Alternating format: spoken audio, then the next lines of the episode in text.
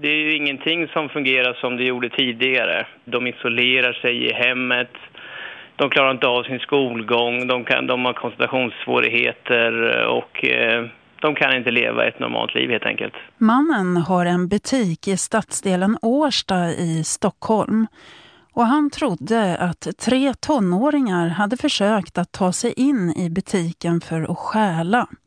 Så butiksägaren tog hjälp av tre andra män och så tog de fast pojkarna och stängde in dem i källaren i tio timmar.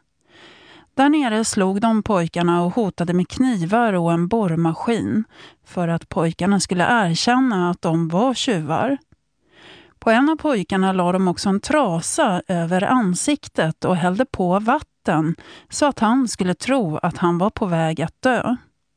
Nu har det varit en rättegång mot butiksägaren i Årsta och de andra männen. Domstolen menar att alla de fyra männen är skyldiga. Butiksägaren får två års fängelse.